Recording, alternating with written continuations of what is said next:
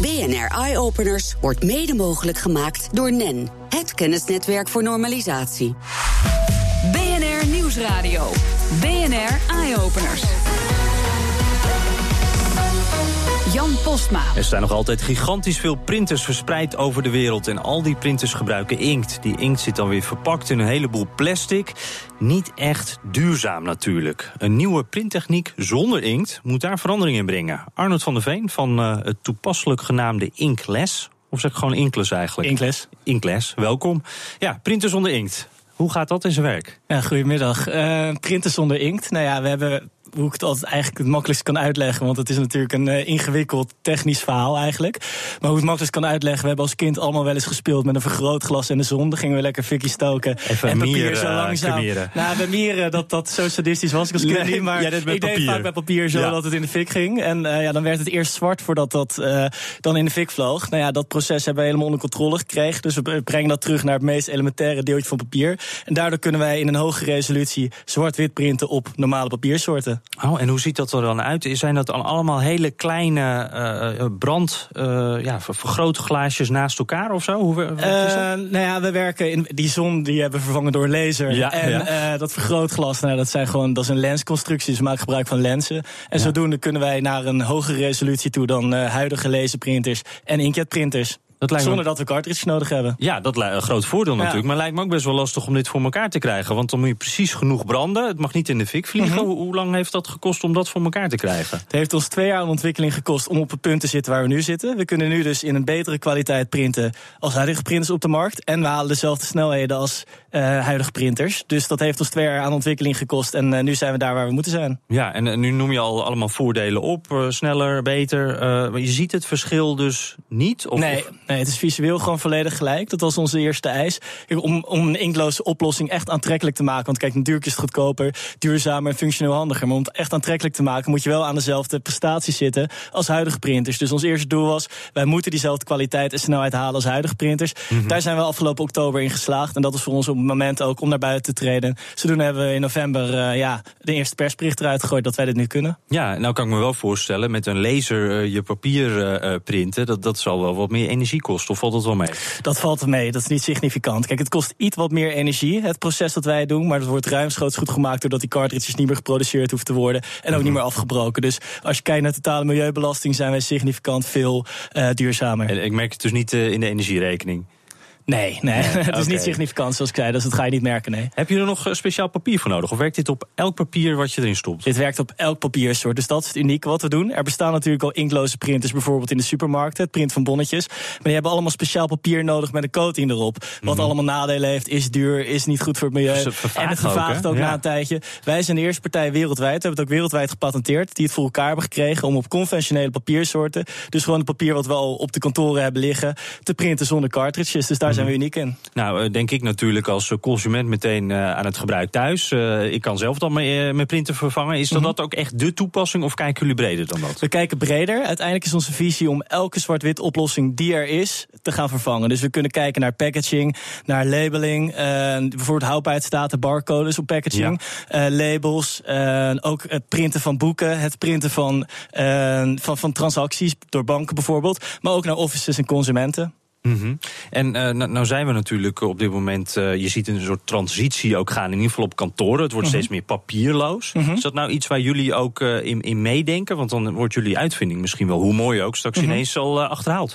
Ja, die papierloze office, dat hoor je veel. Maar het lijkt meer een wens dan uiteindelijk dat, dat het echt gebeurt. Want Ja. als we naar de feiten kijken, naar wereldwijd, wordt er niet minder geprint. In West-Europa en Amerika kent het het lichtjes. Maar ook weer niet echt, echt van wat je zegt. Nou ja, dat gaat hard. Eh, dat wordt volledig vervangen door digitalisering. Dus kennelijk zijn er nog eh, genoeg redenen voor mensen om te gaan printen. Kijk, je kan natuurlijk wel bedenken, je kan aantekeningen maken. Het is ook wat eh, beter leesbaar. In de juridische sector is printen belangrijk. Dus er zijn nog genoeg sectoren waar veel in geprint wordt. En wereldwijd zien we ook geen, geen daling. Nee, en je zegt al zwart-wit printen. Eh, is er ook een mogelijkheid tot kleur? Dat is denkbaar. Kijk, we zouden onze technologie kunnen inbouwen natuurlijk in een kleurenoplossing. En dat is nog steeds aantrekkelijk, want 80% van de prints die we maken zijn zwart-wit. Dus dan heb je het zwart-wit gedeelte nog steeds afgedekt. En hoef je daar geen kaartjes meer voor te kopen. Maar de technologie is wel echt een zwart-wit technologie. Dus onze visie is wel gewoon alles wat zwart-wit print vervangen wij. En het kleuren, nou ja, dat, dat, dat hebben we helaas, dat kunnen we helaas niet Dat, dat is een soort hybride modelletje wat je dan voor je ziet. Een hybride model, ja. ja. Ja, oké. Nou, eh, wanneer ligt dit in de winkel, willen we eigenlijk wel weten. Is dit nou iets wat ik eh, eh, misschien dit jaar nog kan krijgen? Of, of is dit echt nog een lange proces? Industrieomgevingen kunnen binnen 1 à 2 jaar hiervan profiteren. Dus dan hebben we die eindoplossingen daar. En consumenten- en officesomgevingen 2 tot 3 jaar. Dankjewel, Arnold van der Veen van. Inclus. Graag gedaan. BNR Eye-Openers. Ja, die jingle was een stuk langer dan ik dacht. Eh, hoeveel geld moet het komende kabinet uittrekken voor innovatie en wetenschap? En hoe moet dit geld besteed worden? Over die vragen gingen Kamerleden in debat in Café Dudok in Den Haag. En BNR's Hugo Kran- Krant informeerde bij drie van hen naar hun gedroomde innovatiebeleid. En liet TNO-bestuursvoorzitter Paul de Krom reageren. PvdA-kamerlid Meili Vos. In welke innovatieve sectoren moet het komende kabinet wat betreft uw partij investeren? Het zullen even, innovaties moeten zijn eh, die onze energieopgave zullen gaan helpen. We hebben binnenkort gewoon een tekort aan olie. De gaskraan gaat dicht. We gaan Groningen gaan we gewoon eens eh, vrijmaken van die ellende van de gasboringen. Dus alles volgens mij moet erop gericht zijn op eh, alternatieve energie. En vooral ook op een circulaire economie. Al die troep die wij gebruiken zal moeten worden hergebruikt. Dus ik denk dat daar de grote innovatieopgave ligt. TNO-voorzitter Paul de Krom ligt wat u betreft de toekomst van innovatie in Nederland inderdaad in duurzaamheid. Ja, dat is ongelooflijk belangrijk. Als je kijkt naar de klimaat- en de energiedoelstellingen bijvoorbeeld... dan zullen we echt een hele grote slag moeten maken. En juist toegepast onderzoek zorgt voor hele praktische oplossingen, zou ik willen zeggen.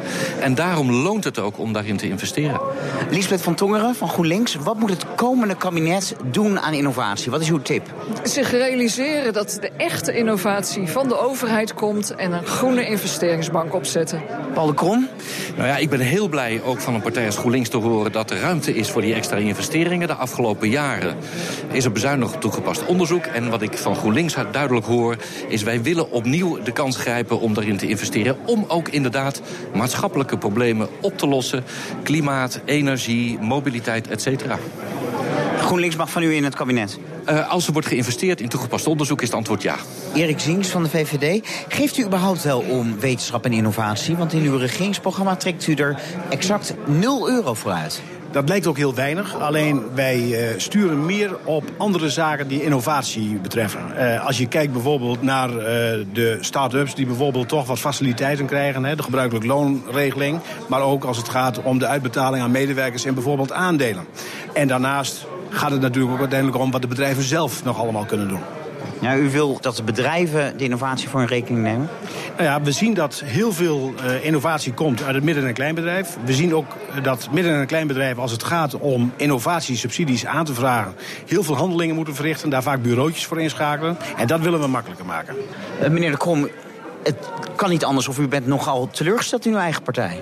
Nou, als het gaat over ondernemers de ruimte geven om zelf aan innovatie te werken, ben ik daar een absoluut voorstander van. Maar wat wel nodig is, als je die samenwerkingsverbanden waar innovatie vaak, plaatsvindt, met bedrijfsleven, universiteiten, uh, met toegepaste onderzoeksinstellingen, juist daar heb je een extra injectie nodig, uh, ook financieel, om dit, uh, dat doel van de, van de regering 2,5% uitgeven aan onderzoek en innovatie in 2020 om dat te kunnen halen. Maar ik ben ervan overtuigd dat komt in de formatie vast goed. U bent opvallend mild voor uw eigen partijgenoot. Maar 0 euro naar innovatie, daar kunt u nooit tevreden mee zijn. Wat is uw advies aan de VVD mochten ze opnieuw in het kabinet komen? Trek een miljard uit voor innovatie voor de toekomst van Nederland. Ja, het is vast bespreekbaar eh, tijdens de onderhandelingen. Maar we moeten eerst kijken of het geld er ook daadwerkelijk is. Ja, het openingsbod is gedaan. 1 miljard voor innovatie in Nederland. Nu eerst nog even die verkiezingen. Dan kan het onderhandelen beginnen. Ja, en ik hoorde net nog eventjes uh, uh, bij het uh, weggaan van Arnold van der Veen van Inclus... dat er trouwens nog een financieringsronde aan zit te komen. Dus mocht u geïnteresseerd zijn, laat het even weten. En zo na de reclame, hoe veilig is eigenlijk die Russische vliegende motor? Dat hoort u zo. BNR Nieuwsradio. BNR Eye-Openers. De Russen zijn lekker aan het experimenteren geweest. Ze komen met een soort vliegende motor. Het heet de Hoover Surf. Uh, die in de lucht wordt gehouden door vier propellers en te besturen is als een soort drone. Uh, aan de lijn heb ik uh, Robert Dingemans van het Nederlandse Pelvi. Het bedrijf achter de eerste, ja, ook Nederlandse vliegende auto. Welkom. Ja, hallo. Hallo, u heeft al even naar het ontwerp kunnen kijken. Is dit nou wat? Ja, er zijn op het ogenblik heel veel van dit soort uh, ideeën en ontwerpen in omloop. Uh, en ja, zoals je bij de publicaties ook vaak ziet, het zijn uh, vier uh, ronddraaiende messen waarmee je voetgangers dood kan maken eigenlijk. Hè? Dus, oh, dat, dat klinkt nou niet heel enthousiast. nee, het is inderdaad, want het ziet er een beetje uit voor, voor de mensen thuis. Het is een soort drone eigenlijk, zo ziet het eruit. Maar die propellers die zijn niet beveiligd of zo. Dus het lijkt me ook als je even met je voet verkeerd zit, dan heb je zelf een probleem. Ja, dat klopt. Ja, ja. ja. En, en wat nou als zo'n motor uitvalt? Ja, dan over het algemeen heb je geen overlevingsoptie, tenzij je een meter boven de grond zit. Maar als je een beetje op 10 meter zit, dan, uh, dan overleef je dat niet. Of als er een softwarefoutje in zit, of er valt een motor uit, of dat soort dingen. Dat is een beetje het probleem aan heel veel van dit soort concepten. Je hebt geen, geen zweefoppervlak. En je komt dus nooit meer veilig aan de grond als er Ja. iets misgaat. Nou, nou lijkt dit, eh, wat ik zei het ook, qua ontwerp een beetje op een bemande drone eigenlijk, om het even te omschrijven. Eh, drones zie je overal. Is, is dit nou ook een beetje de kant die de, de, de, die, die de eenpersoonsvliegtuigjes en, en de vliegende auto's, de kant die dat opgaat? Of is dat helemaal het verkeerde ontwerp? Ja, kijk, eh, de luchtvaart gaat ervan uit dat er af en toe iets misgaat en dat je dan veilig aan de grond moet komen. Dus als je een ontwerp hebt waarbij dat niet geldt, dan zou ik er in ieder geval niet in durven zitten. Eh, dat ook luchtvaart uiteindelijk naar elektrisch gaat, dat geloven wij ook wel. Maar eh, dan moet natuurlijk nog wel het gewicht van batterijen opgelost worden. Wil je een beetje afstand kunnen overbruggen. Om er even een gevoel te geven, een kilo benzine neemt 36 keer meer energie mee dan een kilo batterij.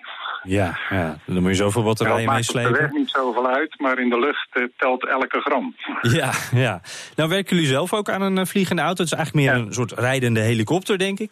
Kun je omschrijven, hoe ziet jullie ontwerp eruit? Ja, wij hebben, het is zeker geen helikopter, laat ik daar even mee beginnen. Het is een gyroplane en het grote verschil is dat een helikopter is eh, voor bijna niemand te vliegen en best wel gevaarlijk. Eh, terwijl een gyroplane is het makkelijkste wat er is en relatief makkelijk te leren vliegen. En het, vers- ja, het unieke aan die vonders is dat je dus ook gewoon je land ergens en je kan vanaf daar weer doorrijden en je laat nooit wat achter. Ja. Het is dus geen punt voor, naar puntoplossing zoals heel veel van de ja, een helikopter is of een, zo'n zo'n human drone, wat eigenlijk meer een soort elektrische helikopter is, zal ik maar zeggen. Maar ja, dat blijft een platform naar platform oplossing, waar je dan vervolgens weer vervolgvervoer moet hebben. Dat Ja. is bij ons niet zo. Want eh, als we de- de- dit model landen, dan, dan kan je de, de wieken inklappen. En, en dan blijft er een soort, drie, ja, de carver blijft dan een beetje over. Hè? Die, die kennen we misschien wel meer mensen, een driewieler. Ja, dan eh, heb je een, eh, een voertuig wat compact eh, heel gaaf over de weg rijdt. Want je kan er 170 km per uur mee. Eh, ligt relatief laag, is erg dynamisch. Eh, dus op de weg is het een heel leuk voertuig om mee te rijden. In de lucht is het een makkelijk en veilig voertuig om mee te vliegen. En je hebt beide in één voertuig. En hoe zit het nou met de regelgeving rond dit soort ont- ontwerpen? Want u zegt al, zo'n drone dat is dan best gevaarlijk. Nou, hoe, hoe heeft u daarop op geanticipeerd? Ja, wij hebben van het begin altijd gezegd, wij geloven niet dat je de wereld kan overtuigen om iets gevaarlijkers in de lucht op de weg te zetten dan de huidige regelgeving voorschrijft. Dus wij moeten hoe dan ook aan de bestaande regelgeving voldoen. En wij hebben vanaf het begin heel veel tijd en effort gestoken om dus in de lucht een standaard gyroplane te zijn zoals er nu eh, duizenden rondvliegen in de wereld. En op de weg een standaard wegvoertuig wat gewoon voldoet aan de bestaande wegregels. Ja. En daarmee hoeft er voor ons dus wereldwijd, ja, er zijn natuurlijk wat landen en uitzonderingen, maar in heel veel landen in de wereld hoeft er voor ons helemaal niks te veranderen. En dan kan je hem gewoon gebruiken. ja. En wat betaal je daar nou voor? Wij starten met een limited edition, want het is toch de eerste vliegende auto ooit die je kan kopen. Mag je wel bijzonders er maken. 90 van. En die kosten vijf ton stuk. Eh, en eh, na zeg maar één of twee jaar zullen we dan met een sports edition komen. En die kost dan basicprijs 3 ton. En met alle opties die die limited edition dan eh, heeft, eh, weer eh, ja, iets van 4, 420 of zo. Ja, ja, nog wel even sparen dus. Hoe, hoe staat het ervoor met de bestellingen? Nou, op het ogenblik hebben we dagelijks nieuwe klanten waar we mee praten en schrijven we regelmatig orders. Dus eh, we zijn eh, vorige week maandag begonnen, hè? Ja, het is nog een beetje snel natuurlijk. Maar er wordt veel gebeld, begrijp ik. ja, ja, ja. En is dat, zijn het allemaal Nederlanders of ook uit het buitenland?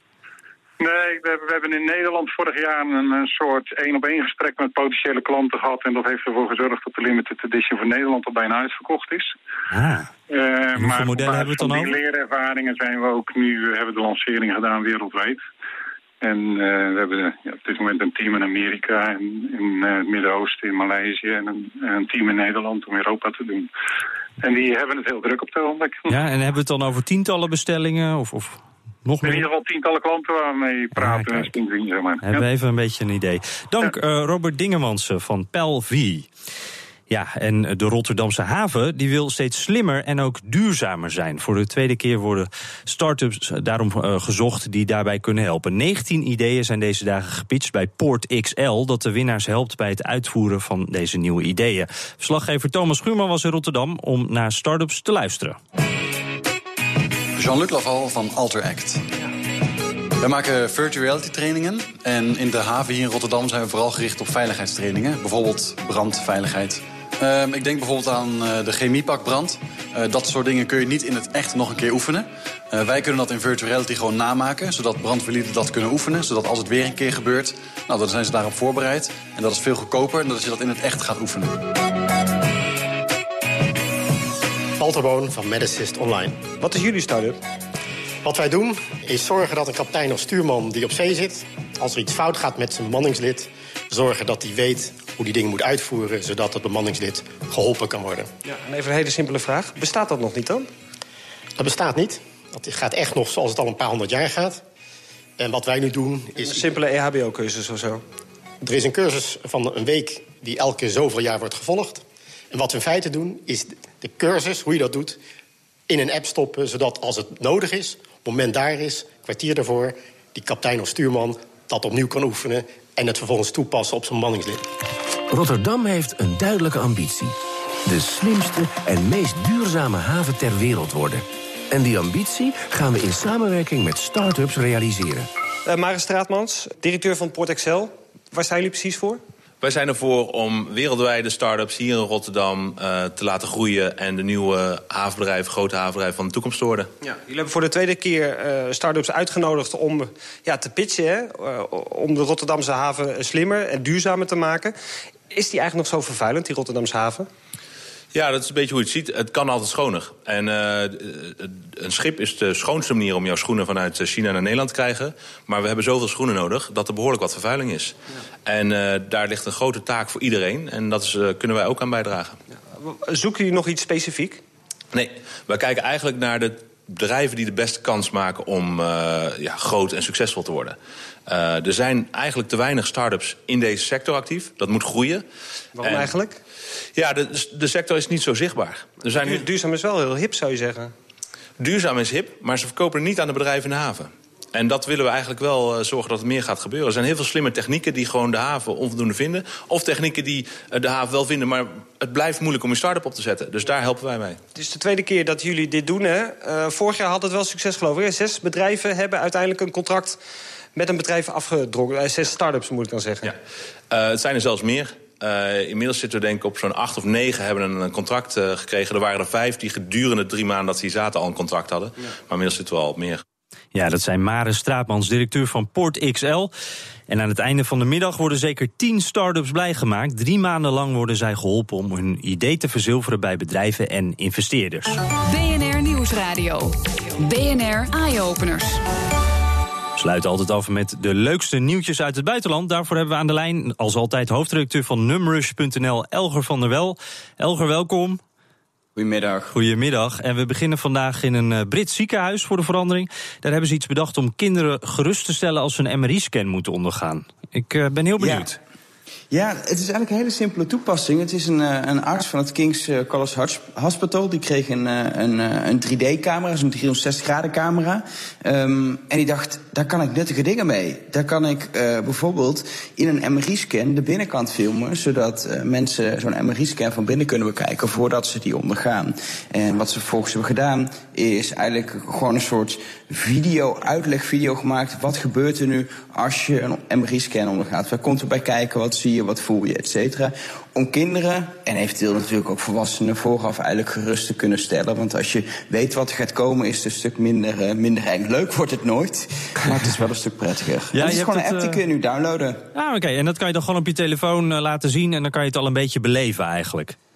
Ja, je kan je telefoon in zo'n zo'n cardboard stoppen, Oh, zo'n ja, virtual ja, ja. reality eh, bril eh, van, eh, van, van een tientje. En dan eh, eh, kun je of in het ziekenhuis of ook thuis kun je dat gewoon eh, bekijken. Ja, hey, en we kenden van Amazon al eh, de bezorgdrone. Maar het afleveren van zo'n pakketje, dat is nog eh, niet zo gemakkelijk. Eh, wat hebben ze daar nou op gevonden?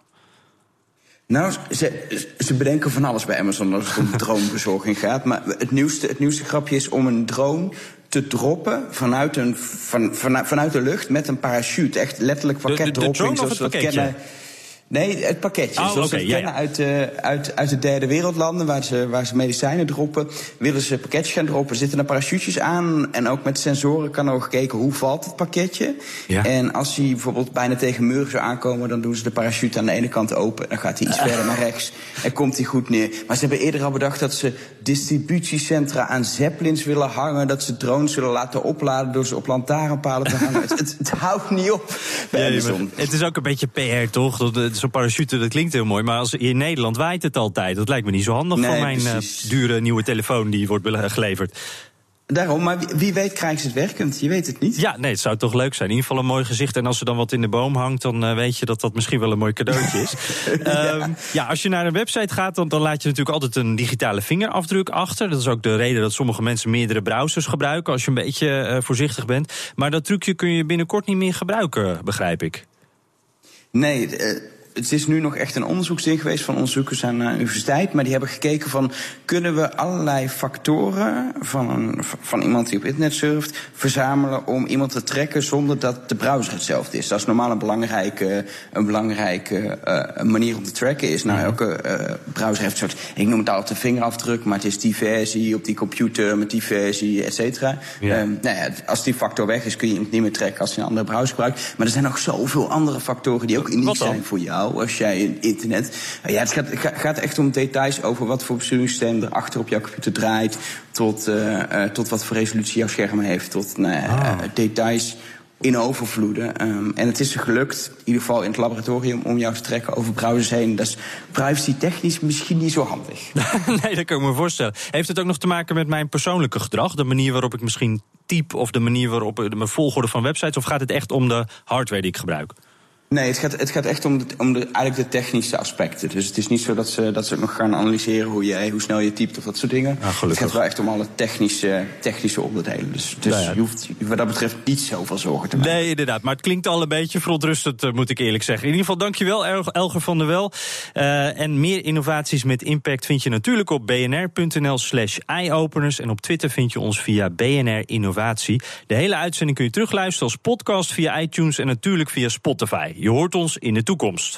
BNR Eye Openers wordt mede mogelijk gemaakt door NEN, het kennisnetwerk voor normalisatie.